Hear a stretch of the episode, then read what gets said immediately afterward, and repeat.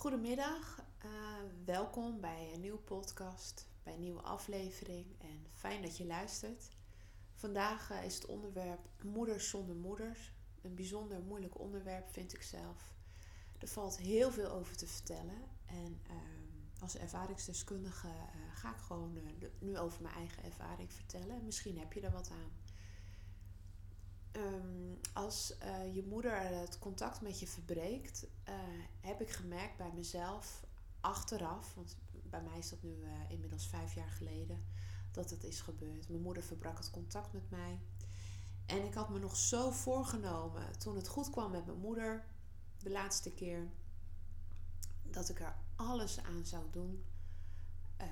dat het dus niet aan mij zou liggen als het weer fout zou gaan ik weet elke keer dat ik eh, contact heb met mijn moeder, ligt uh, het verbreken van het contact ligt op de loer. Dat is altijd al zo geweest sinds ik uh, klein ben. Want ik ben sinds mijn zesde jaar ben ik het huis, uit huis geplaatst door jeugdzorg. het was bij mij thuis zo traumatisch dat jeugdzorg heeft ingegrepen. En eigenlijk sinds die tijd, dus sinds mijn zesde jaar, is het uh, een grote of een, een, een, een, dikke rode draad in mijn leven dat mijn moeder uh, het contact bepaalt. Uh, ik heb natuurlijk nooit geweten dat mijn moeder een narcistisch persoonlijkheidsstoornis heeft. Dat, daar ben ik eigenlijk vijf jaar geleden pas achter gekomen. Dus vandaar dat ik eigenlijk mezelf altijd de schuld ervan gaf dat ja, dat het contact weer verbroken was. Ik was daar eigenlijk altijd heel erg ziek van, depressief. Ik voelde me radeloos, verlaten en verweest op uh, deze aarde. Want geen contact met mijn moeder betekende ook geen contact met mijn familie. Ik kon niet bij mijn familie komen uh, zonder dat mijn moeder uh, daartussen kwam. Al was het misschien niet fysiek, dan was het wel dat ze mijn tantes belden over mij over wat ik nu wel niet had gedaan. En um, er werden rookgordijnen opgeworpen door haar, door. Uh, er kwamen drama's van. Er werd gehuild. Uh, wat was ik toch voor kind? Wat.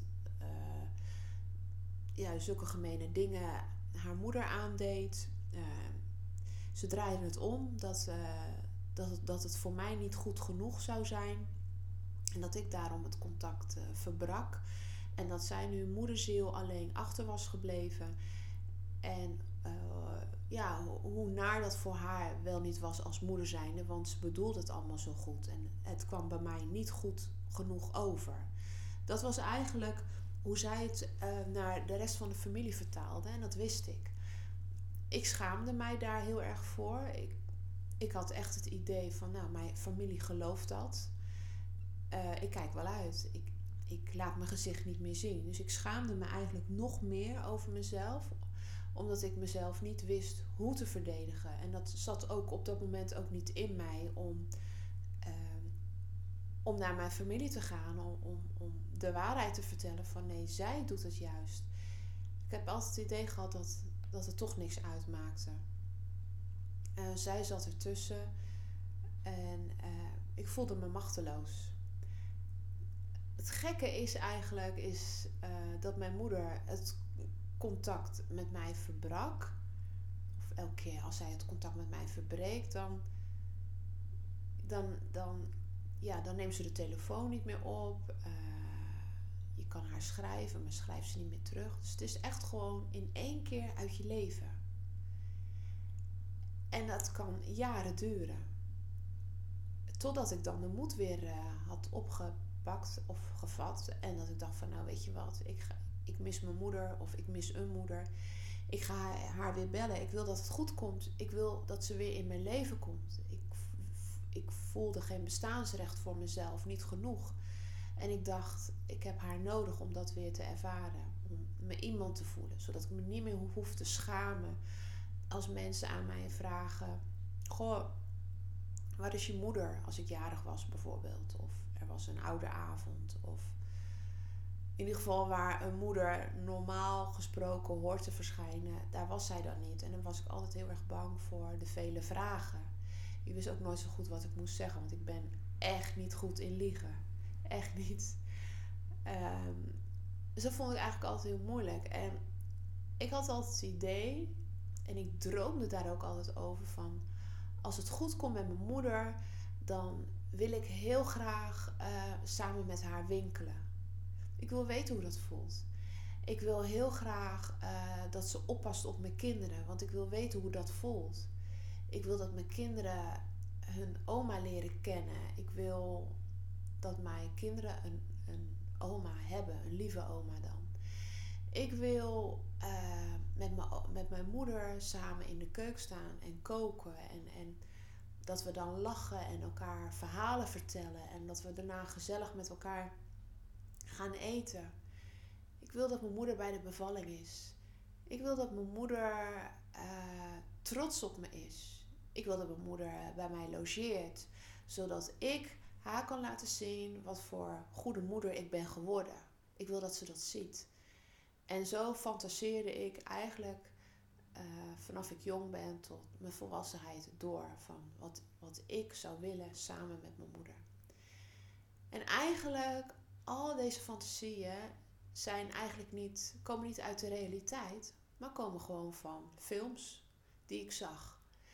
En ik beschouwde dat eigenlijk als zo zou het moeten zijn en zo zou het kunnen zijn met mijn moeder. Wat heb ik daarvoor nodig? Wat moet ik doen om dat te bereiken? En dat heeft zich eigenlijk in mijn hoofd genesteld. En het liet mij niet los. Dus de relatie met mijn moeder, door al die jaren heen, werd eigenlijk een obsessie. Ik liet geen realiteit toe. Ik kon het niet verdragen als iemand zei: Je moeder houdt niet van je, want anders had ze wel. bla bla bla bla bla bla bla. Anders was ze er wel. Anders had ze jou toch wel één keer gebeld. Anders stond ze toch wel op de stoep. Anders had ze je toch wel een brief geschreven. Anders had ze je toch wel vergeven en had ze gedacht van uh, welke moeder verbreekt uh, de relatie met haar dochter voor jaren? Ik bedoel, welke moeder die van haar dochter houdt of van haar kind of zoon houdt. ik bedoel, ik ben zelf moeder, ik ben ook wel eens behoorlijk boos op mijn kinderen. Maar ja, dan na een uur denk ik, jeetje. En dan ga je het goed maken. En dan zeg je, ja, sorry, ik had dit niet mogen zeggen. Of, weet je, we zijn wel eens boos op elkaar, maar weet je, ik hou van je. En zand erover of, of whatever. Maar het komt gewoon weer goed. En mijn relatie met mijn moeder kwam gewoon niet goed. Ik was altijd de eerste of degene die het contact weer moest herstellen. En zij heeft het nog nooit met mij hersteld. En daarom kan ik denk ik zeggen dat ik heel sterk het idee heb, echt heel sterk het idee, dat mijn moeder echt niet van mij kan houden. Um, het gekke ook is, is dat als ik thuis was, dan uh, keek ze niet naar me om. Ze sprak nauwelijks met mij. Ze keek dwars door me heen, alsof of om me heen. Ze, ze keek eigenlijk niet eens naar me. En ze maakte ruzie met de leiding waar ik dan woonde, dat ik thuis moest komen. Want dat wilde ze zo graag. En op het moment dat ik dan thuis was, negeerde ze me compleet. En um, dus het, ik vond het super verwarrend. Was ik dan weer terug bij mijn pleeggezin, waar ik ook gewoond heb, of ergens anders, dan eiste ze weer dat ik thuis kwam wonen. Dus toen ging ze dat hele gevecht aan met de leiding en met de directeur van het is mijn kind en ik wil dat ze thuis kon wonen. Kwam ik eenmaal weer thuis wonen, wat dus helemaal niet verstandig was, maar goed, ik was overal vrijwillig, dus ja, je moeder kan je ook gewoon zo weer terughalen. Was ik eenmaal thuis, dan was het, werd het heel snel een hel voor mij, want ik werd compleet genegeerd en ik had totaal geen stem. Dus hoe verwarrend. Als je weg bent, dan wil ze je. Ben je eenmaal thuis, dan wil ze je, laat ze je aan alle kanten voelen dat je echt totaal niet welkom bent. En dan ben je eigenlijk alleen maar lastig voor ze. Dus op mijn 41ste, toen ik nog zo aan het dromen was over ik wil zo graag dat mijn moeder puntje, puntje, puntje, puntje. En mijn moeder kwam, heb ik daar een hele, uh, misschien hoge verwachting van gehad. Ze wilde graag komen en uh, het leek me ik vond het eigenlijk wel een eer dat ze kwam. Want ik had zoiets van, mijn moeder is eigenlijk nog nooit, heeft nog nooit bij mij gelogeerd. En dit is de eerste keer in mijn volwassen leven dat ik moeder ben, dat mijn moeder bij mij komt logeren. En ik had voor mezelf zoiets van, ik ga er echt alles aan doen wat in mijn vermogen lag, dat dit slaagt. Dat het slaagt, dat mijn moeder trots op mij kan zijn en dat ze bij me blijft. Want dat is wat ik wil. Ik, kan, ik zou het niet kunnen verdragen om haar nog een keer te verliezen. En ik wil dat de waarheid naar boven komt. Want als ik het goed doe, dan moet de relatie gewoon kunnen blijven. Dan moet het kunnen bestaan. En toch gebeurde dat niet. Langzaam, uh, toen mijn moeder er dus was, werd ik het kleine kind.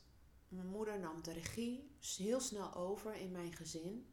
Uh, mijn man die was overdag aan het werk, dus die was er niet. En ik was alleen met mijn moeder. En mijn codependency gedrag, ja, die, die, die, maakte gewoon overuren.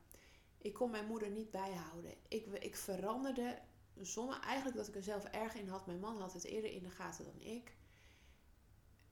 Veranderde ik in, in, in, ja, in een kind, in haar kind weer. Dus de, de relatie was op dat moment gewoon niet gelijkwaardig. Dus op het moment dat ik in contact, contact kom met mijn moeder, verander ik in het kind. Ik ben wel haar kind, maar ik gedraag me ook als een kind. Dat is het verschil.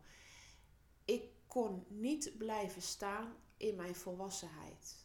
Waarom niet? Omdat ik, na de hand gezien, nog zoveel dromen had, zoveel verwachtingen en zoveel verlangen naar een moeder. En dat vond ik een hele pijnlijke waarheid. Maar ik vond het ook, ik ben ook blij met deze waarheid. Waarom? Zo kon ik uh, de stukjes, uh, die konden genezen. Want ten eerste wist ik van, hé, hey, ik verander in een kind.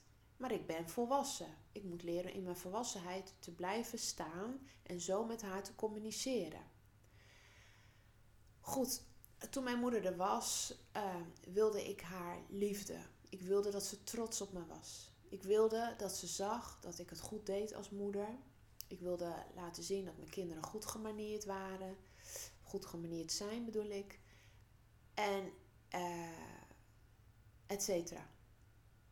Maar wat ik daarmee eigenlijk deed, is dat ik, ik liep zelf op eierschalen. En indirect zorgde ik er ook voor dat mijn kinderen op eierschalen liepen. En ook mijn man. Waarom? Ik wilde maar één ding en ik wilde dat ze bleef. Dat ze bij mij bleef. En als mijn kinderen uh, niet op eierschalen liepen, dan wist ik dat er dat er uh, iets aanstoot zou geven aan mijn moeder en dat ze dan het contract, contact zou verbreken. En dat zou dan de schuld zijn van mijn man of een van mijn kinderen. En dat mocht absoluut van mij niet gebeuren. Ik wilde haar niet verliezen. Ik dacht echt, dat overleef ik niet meer. Niet nog een keer. En zo was het voor, zo was het voor mij, jaren geleden. Totdat ik zag wat ik deed. Ik maakte mijn wereld, mijn veilige wereld, maakte ik ondergeschikt aan die van mijn moeder. En ik had het helemaal niet door. Dus eigenlijk leefde ik het verleden weer met mijn moeder. Mijn moeder nam de regie over, ging over mijn grenzen. Uh, ze ja, ze deed dingen voor mij waar ik eigenlijk helemaal niet om gevraagd had. En ik zei de hele, hele dag, dankjewel, dankjewel mama, dankjewel mama. En je hoort het al hoe ik het zeg. En was het ook, dankjewel mama. Terwijl het is niet mijn mama, het is mijn moeder. Het is, mijn moeder heeft me op de aarde gezet, ben ik hartstikke dankbaar voor, dankjewel. Maar meer ook niet. Ik heb me nooit veilig gevoeld bij mijn moeder. Ze heeft me nooit beschermd. Ik heb nooit kunnen spelen. Ik heb, eh, ik, ben, ik heb geen kind kunnen zijn, geen puber, puber, onbezorgde puber heb ik niet kunnen zijn. Ik mocht mijn mening niet zeggen, ik mocht niet zijn wie ik was. Dus dat past niet bij een mama.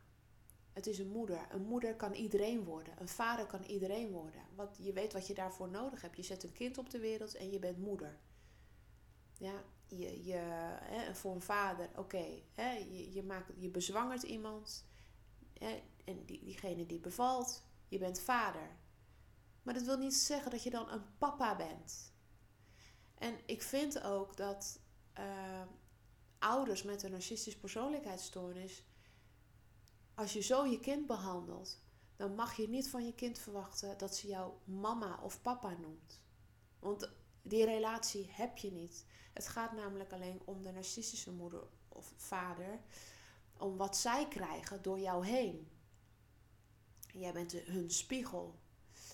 En uh, ze hebben jou nodig, zodat zij zich goed voelen. Het gaat niet om mij. Het gaat helemaal niet om mij. Maar wat hun willen hebben, zorgt er wel voor in het contact dat ik de codependency gedragingen, zeg maar, uh, overuren ga draaien als je dat niet doorhebt. Als je niet doorhebt van hé, hey, ik maak mezelf ondergeschikt, ik word het kind en ik verwacht eigenlijk van mijn eigen gezin dat die zichzelf ook ondergeschikt maken, want anders verlies ik mijn moeder. En de laatste keer, dus vijf jaar geleden, heb ik durven zeggen: I let it go. Ik laat je gaan. En ik stond op het station met mijn moeder en ik wist, ze keek me eigenlijk al twee dagen bijna niet meer aan. En als, ze, als ik tegen haar praatte, want ik dacht, ik ga het gewoon volhouden. Want wat mij betreft is er niks aan de hand. Ik zag aan haar ogen dat ze vanuit de ooghoeken naar me keek. Dat ze me niet meer recht aankeek. Dat ze kort af was. Dat ze afstand nam. Dat ze afstand van de kinderen nam. En mijn kinderen waren weer de dupe. Mijn oudste kind was voor de tweede keer de dupe van no contact. Weet je wel, dat zij het contact verbreekt. En ik dacht bij mezelf, ik vernietig zo mijn eigen gezin. Kijk, de buitenwereld kan het niet snappen. Maar ik snap zelf heel goed waarom ik het hierbij laat. Waarom ik gewoon nooit meer contact wil met, met haar wil. Voor mij is ze de meest onbetrouwde persoon op de wereld. En misschien kan zij daar niks aan doen, maar ik kan er wel wat aan doen. Ik ben verantwoordelijk voor mijn kinderen, voor mijn gezin. En mijn oudste dochter heeft er twee flinke deuken uh, aan overgehouden dat haar oma, die in contact heel lief voor haar was, ze kon alles krijgen, in één keer patsboom, omdat, ze, omdat zij iets van mij vindt, geen contact met mij wilde en dus ook niet met mijn dochter. En ik heb het verdriet gezien van mijn dochter. Ja, die heeft weinig vertrouwen meer in mensen. Toen gebeurde het weer. Weer contact opgenomen met mijn moeder. Jaren later, we gaan het weer proberen. Mam, we gaan er iets goeds van maken. We praten er niet meer over. Oké, oké. En het gebeurt weer. En als ik dan naar mijn dochter kijk, dan denk ik, arme meid, weet je wel. Zij vraagt zich dingen over zichzelf af. Ben ik het niet geweest? Ben ik misschien niet lief geweest? Heb ze ook gevraagd op het station. Mijn oudste dochter vroeg aan mij: Is oma boos op mij? En dan gaat er iets als moeder door je heen. En ik heb tegen mijn oudste dochter gezegd: Lo, het ligt totaal niet aan jou. Ze is boos op mij. Het heeft niks met jou te maken. Hoe moet een kind dit snappen? En uh, ik pakte mijn moeder beet en ik wist gewoon: ik zie jou gewoon niet meer. Want als ik geen contact met jou opneem, als ik het niet goed maak, als ik boetekleed niet aantrek, als ik mijn excuses niet aanbied of vergeving schenk, dan gaat het niet meer gebeuren in mijn leven. Want jij komt niet. Jij komt niet uit jezelf. Dat heb je nooit gedaan. En op dat moment wist ik het. En ik keek mijn moeder aan en, en ik zei: Dankjewel, ma, voor alles wat je voor me gedaan hebt. En ik wist gewoon: ik zie jou gewoon niet meer. Ik laat je gaan. En ik laat je voorgoed gaan. Ik kan niet meer en ik wil niet meer. Ik wil zo geen dochter van jou zijn. Want weet je, elke keer als mijn moeder het contact met mij verbreekt, verlies ik mezelf. En weet je, als jij jezelf verliest, hoe lang het duurt voordat je weer opgekrabbeld bent. Dat je weer de, de, de, de, de jas van schuld af kan doen of uit kan doen. En dat je jezelf weer in de ogen aan kan kijken in de spiegel. En dat je weer van jezelf kan houden. En dat je uit de depressie bent van verlatenheid en van, van uh, vermoeidheid van, en van rouw. Dat je moeder uh, je niet moet. Weet je hoe vaak ik dat al achter de rug heb? En toen ik 41 was, dacht ik: It's okay. Liever nu in één keer rouwen en goed rouwen dat je er niet meer bent. Hoewel je leeft, maar nu één keer goed rouwen en hier de tijd voor nemen.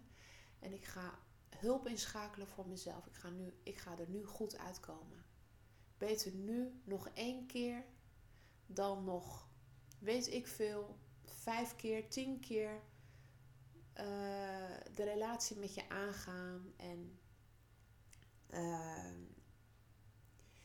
ja, voor mij was het duidelijk van ik kan het niet meer en ik wil het niet meer. Ik wil de, hoop, een, een langgerekt hoop maakt ziek. En dat is het ook. Als je blijft hopen op dromen die eigenlijk niet in realiteit staan met de realiteit, om het zo te zeggen. Hè, het heeft alles te maken met je eigen verlangen van ik wil zo graag dit nog. Ik wil zo graag dat nog. Maar de vraag is, kan het met je eigen moeder? Nou, in mijn geval kon het gewoon niet. Het kan niet. Die, die relatie is zo verziekt, is zo, zo ontzettend vernietigd. En er is geen liefde. Er is geen liefde tussen moeder en dochter. En die realiteit heb ik tot me door willen laten dringen. En uh, ik heb gezelf, tegen mezelf gezegd: in plaats van dat ik de relatie uh, tot obsessie laat worden, laat ik het nu la langzaam afsterven, zeg maar, in mezelf ook. Ik, uh, ik ga voorgoed afscheid nemen, ook van al mijn dromen. Ik neem voorgoed afscheid van al mijn verlangens en van alle hoop. En ik ga inzien dat het met mijn moeder nooit zal lukken en dat het nooit beter zal worden. En dat het ook goed is. Ondanks wat de buitenwereld zegt en vindt. Maar hun hebben niet uh, met jouw moeder moeten leven. Jij of ik. En in mijn geval, kan ik natuurlijk alleen maar voor mezelf spreken, weet ik dat ik echt in gevaar ben geweest. Heel veel keren. In, in als ik met mijn moeder was toen ik klein was. En ik tel dat allemaal bij elkaar op. En ik heb mijn moeder vergeven. Ja, dat heb ik, zeer zeker. Maar dat wil niet zeggen dat ik haar moet toelaten in mijn leven. Want de destructieve patronen zijn er nog steeds. En ik dacht vijf jaar geleden, toen ik nog helemaal niet wist dat zij NPS had, dacht ik dat het aan mij lag. Dat ik gewoon nog iets harder mijn best moest doen nog iets meer van haar moest gaan houden. Nog iets meer dit, nog iets meer dat. Maar weet je, ik werkte het zelf in de hand. Ik, ik was alleen maar gefocust op wat zij nodig had en wat zij van mij wilde. En ik zei eigenlijk tegen haar steeds: Als jij uh, wie jij wilt die ik ben, dat ben ik voor jou. Op elk moment van de dag. Of als jij bij me bent, dan ben ik dat voor jou. Als jij iets wil, dan geef ik het je. Ik ren voor je. Letterlijk. Ik deed het letterlijk. Ik rende voor mijn moeder. Omdat eigenlijk onder het trauma zat. Ik wil niet nog een keer door jou verlaten worden. En dat is uh, het rouwproces voor mij geweest. Dat ik met professionele hulp echt ben gaan rouwen, echt afscheid nemen van haar en durf in te zien van, ja, het is gewoon goed zo. Voor mij is ze eigenlijk al overleden. En voor mij is het goed. Ik heb er vrede mee. Ik, natuurlijk heb ik zwakheden. Natuurlijk. Als ik een moeder met een dochter zie, heb ik zwak, dan voel ik, dan voel ik dat ook heus wel. Maar ik, ehm, het is voor mij geen obsessie meer. Dat is helemaal weg. Ik heb geen hoop meer, is ook helemaal weg. Er is vrede voor in de plaats gekomen in mijn hart. Ik heb het een plaats in mijn leven kunnen geven. En ik weet dat er veel luisteraars zijn die hetzelfde hebben meegemaakt als ik met uh, hun narcistische moeder. En dat ze denken, ja, ik durf, ik heb het idee dat ik het contact maar moet aanhouden, want, want ik durf niet alleen te zijn. Of wat dan? Het komt altijd goed. Kijk, je moet proberen. Kijk, tuurlijk, je hebt er veel moed voor nodig om het ook zo te laten. Maar uh, je moeder, die zo destructief is, uh, toelaten in je leven, maakt ook je eigen gezin kapot. Snap je? Dat, dat is zo. En je moet jezelf afvragen van in hoeverre laat je het toe? Snap je? Want jouw kinderen, die vragen je niet om. Die zitten met de schade. En um, in mijn geval, ik ben gewoon super dankbaar en blij dat ik goede vrienden heb. En daar heb ik ook heel lang voor moeten werken. In die zin, ik heb veel aan mezelf moeten werken. En ik ben nog steeds niet heel close. Maar voor mij op dit moment, nu ik nog steeds in mijn genezingsproces zit, is het voldoende. En als je dat kan uitspreken naar, naar je vrienden van joh, ik vind het heel leuk dat je komt, maar ik ben geen beller bijvoorbeeld. Nou, dan weten mensen waar ze aan toe zijn.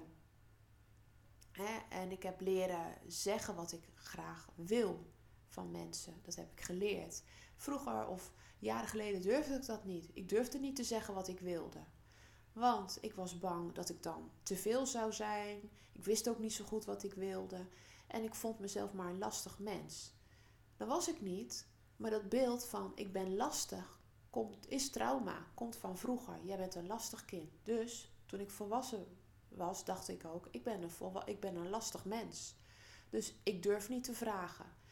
Ik durf mensen niet uit te nodigen, want dat, dat, dat vinden mensen me maar lastig. Want dan moeten ze komen en, en, moeten ze tijd. Misschien willen ze dat wel helemaal niet. Dus dat zat helemaal in mijn gedachten. En uh, nu heb ik dat niet meer, omdat ik nu steeds meer leer van wat codependency gedrag is. En, uh, en dat is het. Dus dat jij jezelf onbelangrijk vindt, of je vindt jezelf lastig, je vindt jezelf te veel. Dat is een kenmerk van codependency. En uh, situaties gedogen van je moeder of, of dat mensen over je grenzen heen blijven gaan, is angst voor verlatenheid. Maar het is ook angst voor jezelf. Van, want wat als je moeder niet in je leven is of uh, je narcistische partner? Wat gebeurt er dan met jou? Want dat is natuurlijk de vraag. En dat vermijd je ook, want je bent eigenlijk heel erg bang om alleen met jezelf te zijn want dat is een codependency symptoom van ik durf dat niet. Ik ben zo ontzettend bang voor wat je voelt al dat daar iets zit. Je bent ontzettend bang voor die pathologische eenzaamheid die eigenlijk al vanaf je jeugd daar zit. En dat je dat mijt. En dan blijf je maar in die destructieve relatie zitten en het lost niks op. Dus je houdt het zelf in stand. Nou, um, dus wat je eraan kan doen is dat onder ogen zien van hé, hey, ik ben het zelf en wil je het veranderen. Ja, natuurlijk wil je het veranderen. Ik geloof niet dat het bedoeld is om in een destructieve relatie te zitten. Ik denk dat het bedoeld is of, om het op te lossen. En het liefst samen als dat kan. Als je samen ervoor open staat van hé, hey, we hebben allebei hele moeilijke destructieve patronen in een relatie. Laten we kijken of we daar hulp voor bij kunnen halen. Want dat met z'n tweeën oplossen, dat gaat echt niet. Dat is zo moeilijk. Zeker als je al heel lange relatie hebt. Die patronen, die, die heb je al misschien wel 40 jaar, 45 jaar, 50 jaar misschien wel.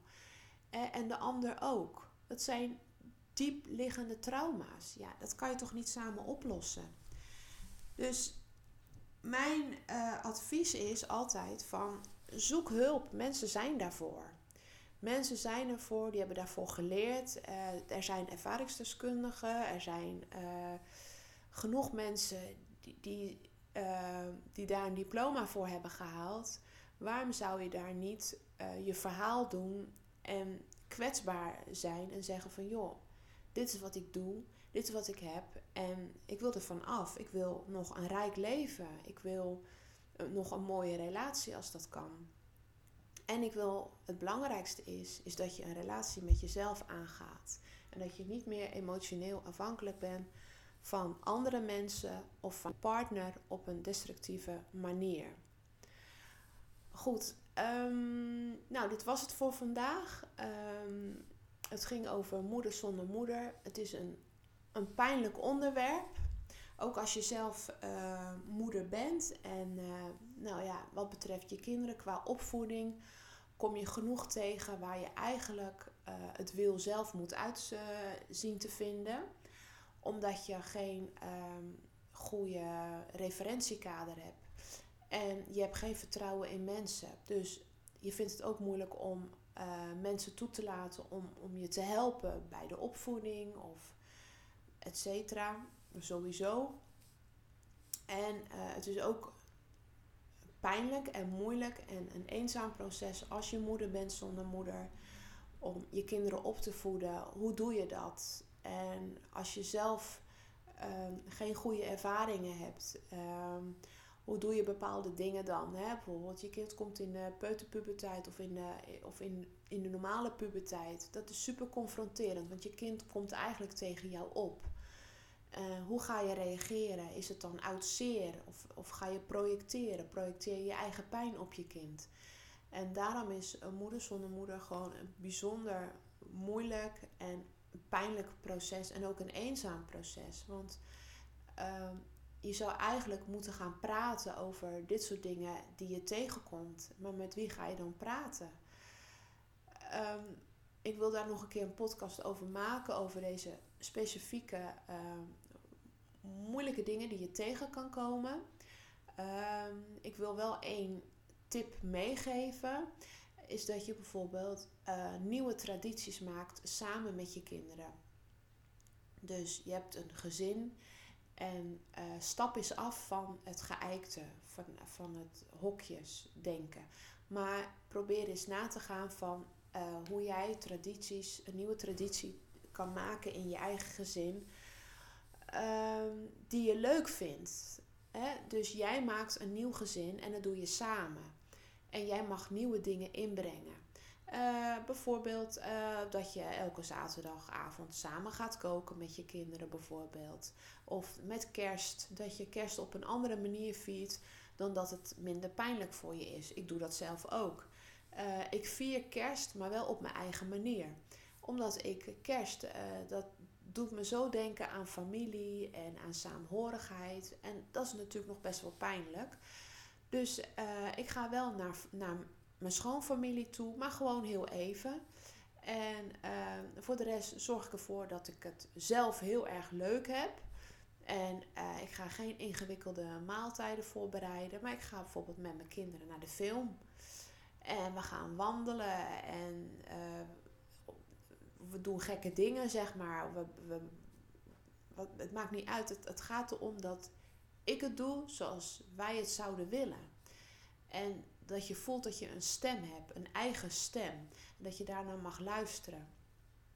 En dat je in uh, uh, dat je leert in de opvoeding van hé, hey, dit is mijn pijn. Ik projecteer mijn pijn op die van mijn kinderen. Ik verwacht te veel of ik heb een te hoge verwachting van mijn kinderen. Want ik voel mij leeg en eenzaam van binnen.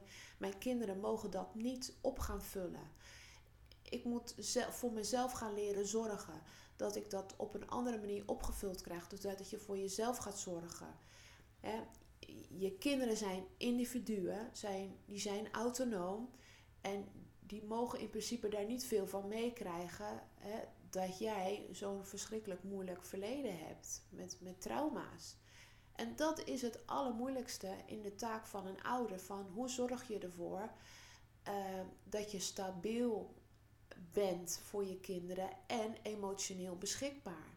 Want als je codependent bent, dan heb je juist die, uh, die emotionele afhankelijkheid. Dus ook van je partner, maar ook van je kinderen.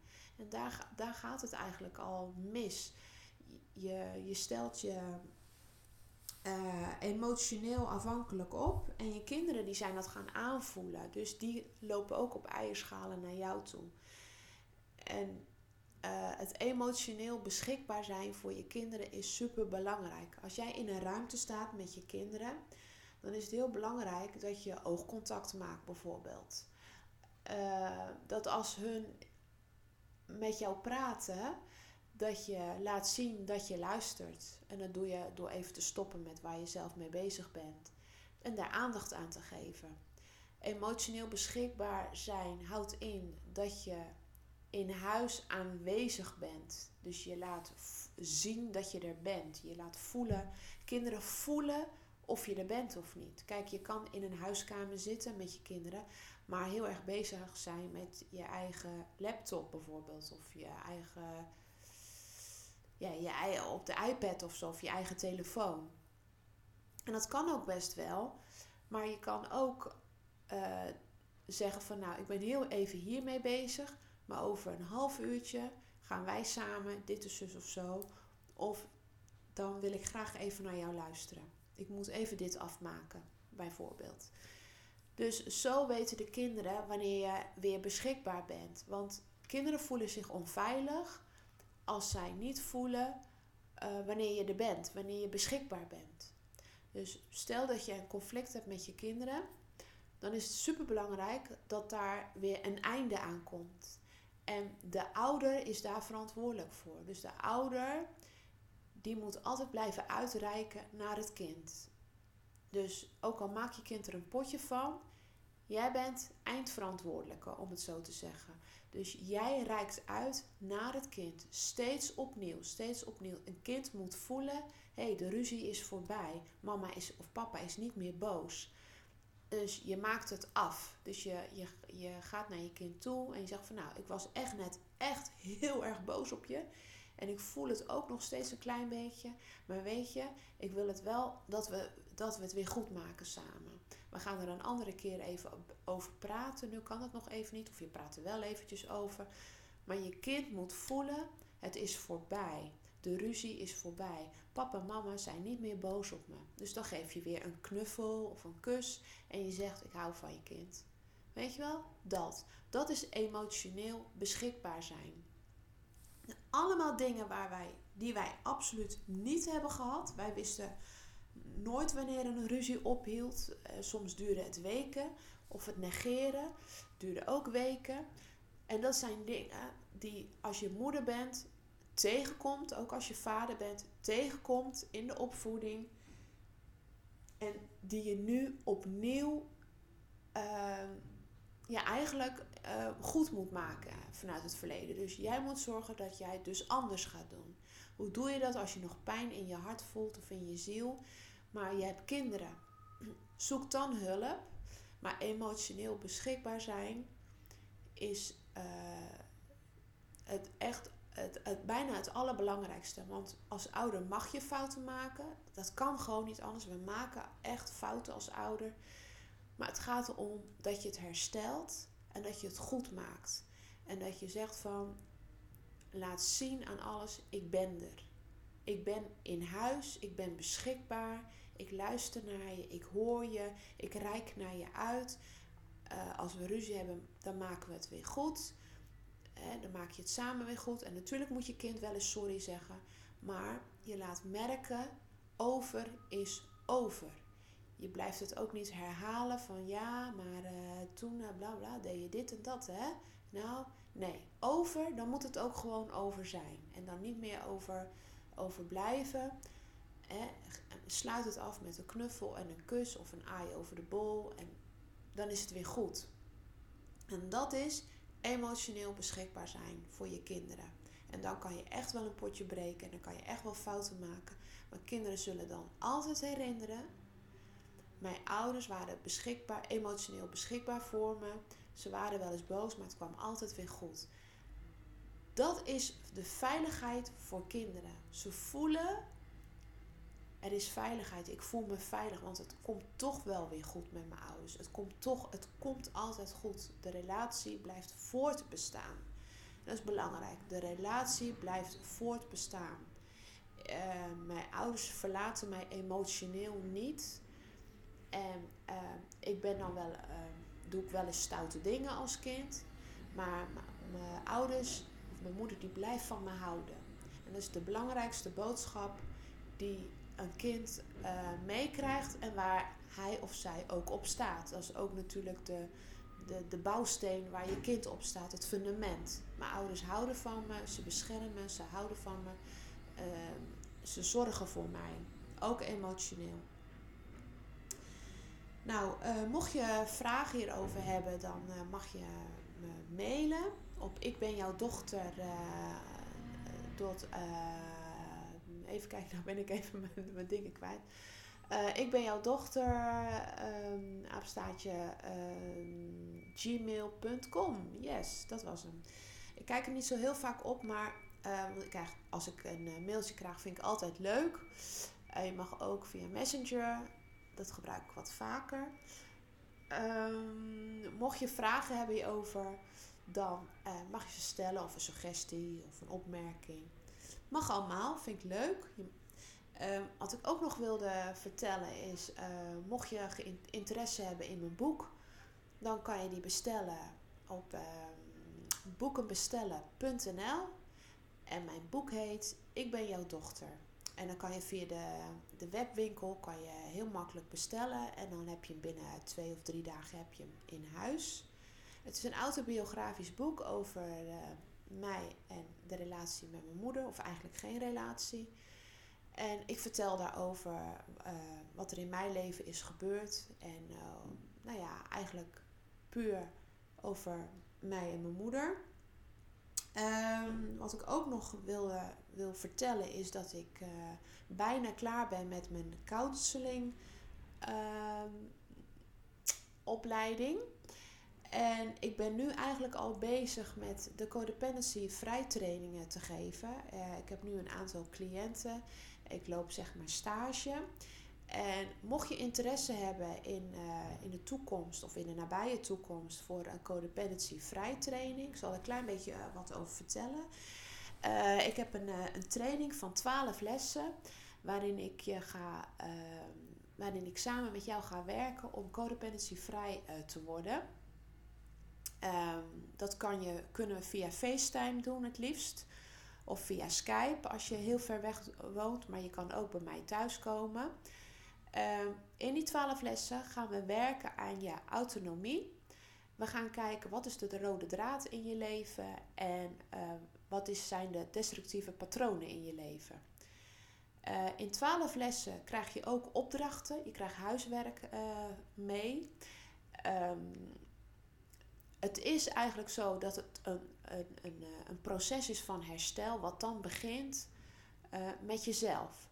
Uh, wat heb je daarvoor nodig? Nou, je hebt wel heel veel doorzettingsvermogen nodig om deze training te doen met mij. Want we gaan echt naar jezelf kijken. En een codependent, ja, die is dat niet gewend. Die wil dat niet echt, want je bent eigenlijk gewend om altijd met andere mensen bezig te zijn. En uh, wat je zelf voelt, voelt, dat weet je eigenlijk vaak niet. Je voelt wel van alles, maar je kan het vaak niet definiëren wat je precies voelt. Je kan het vaak niet plaatsen. Voel ik me verdrietig of ben ik ongerust? Voel ik me verlaten of eenzaam of bezorgd? En uh, ik ga je dat leren. Uh, ik ga je uh, ook te kijken naar grenzen, die van jou en grenzen van anderen. Uh, als je meer informatie wil hebben over mijn codependency training, uh, dan kan je contact met me opnemen via Messenger, uh, Esther Voorburg, of je doet via SoundCloud, kan ook. Of je doet via, de, via Gmail, kan ook. Um, dus ik, ik zou het heel fijn vinden als je, als, je, als je interesse hebt of als je vragen hebt, kunnen we ook eerst een een, uh, kijken of je in het profiel past. Of, of je echt codependency uh, hebt, zeg maar. Dus dan doen we eerst een voorgesprek. Dat doe ik sowieso. We doen eerst samen een test. Om te kijken of je in het profiel van codependency past. Nou, uh, bedankt voor het luisteren. Ik hoop dat je er wat aan gehad hebt. En nou, zorg heel goed voor jezelf en tot de volgende aflevering en tot de volgende podcast. Bye!